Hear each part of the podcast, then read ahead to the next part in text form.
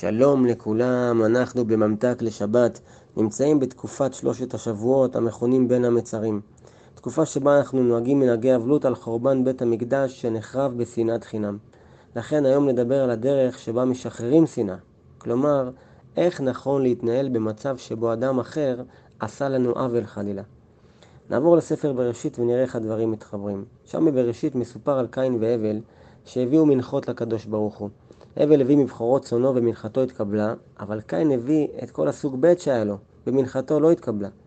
והקדוש ברוך הוא אומר לקין שהוא צריך ויכול לשפר את מעשיו. אם אנחנו היינו היועצים של קין, מה היינו מייעצים לו לעשות? פשוט, להביא מנחה חדשה, אבל הפעם משובחת. מה קין עשה בפועל? טיפה שונה מהעצה שלנו. הוא רוצח את הבל. זאת נראית תגובה לא קשורה, מעשה הזוי לחלוטין. לא הבאת מנחה טובה, פשוט תביא מנחה טובה, מה קשור לרצוח? אבל האמת היא שדפוס ההתנהגות הזה פועל גם אצלנו בדיוק באותה צורה מבישה. למה? כי כשמישהו עשה לנו איזה עוול חלילה, משהו רציני, אנחנו כועסים או אולי אפילו שונאים אותו, ומחזירים לו מנחת אפיים.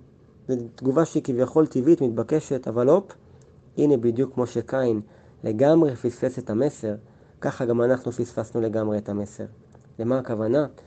שעוול שנגרם לאדם זה לא דבר מקרי, כשאדם צריך לתקן משהו בהתנהגות שלו, מתחילים לרמז לו על זה.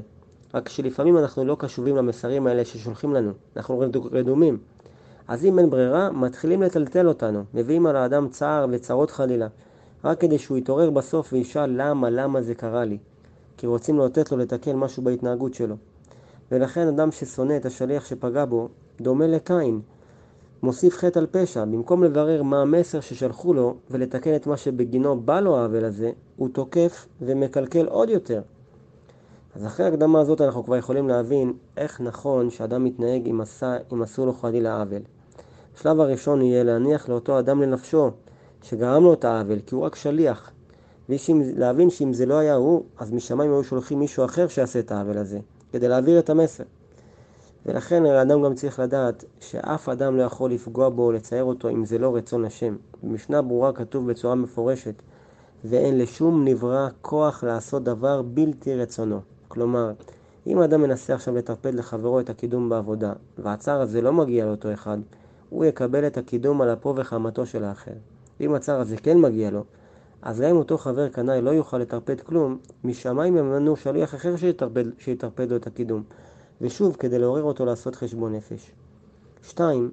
כשם שלא היינו מתעצבנים על אדם עיוור שנתקל בנו ברחוב וגרם לנו לחבלה, כי יש לו מוגבלות מסוימת. ככה אצל כל אדם בחיים יש מוגבלות מסוימת. אצל אחד זה קינה, אצל השני זה חוצפה, ולמרות שכולנו נראים אנשים רגילים, לכל אחד מאיתנו יש את המוגבלות המסוימת שלו באישיות.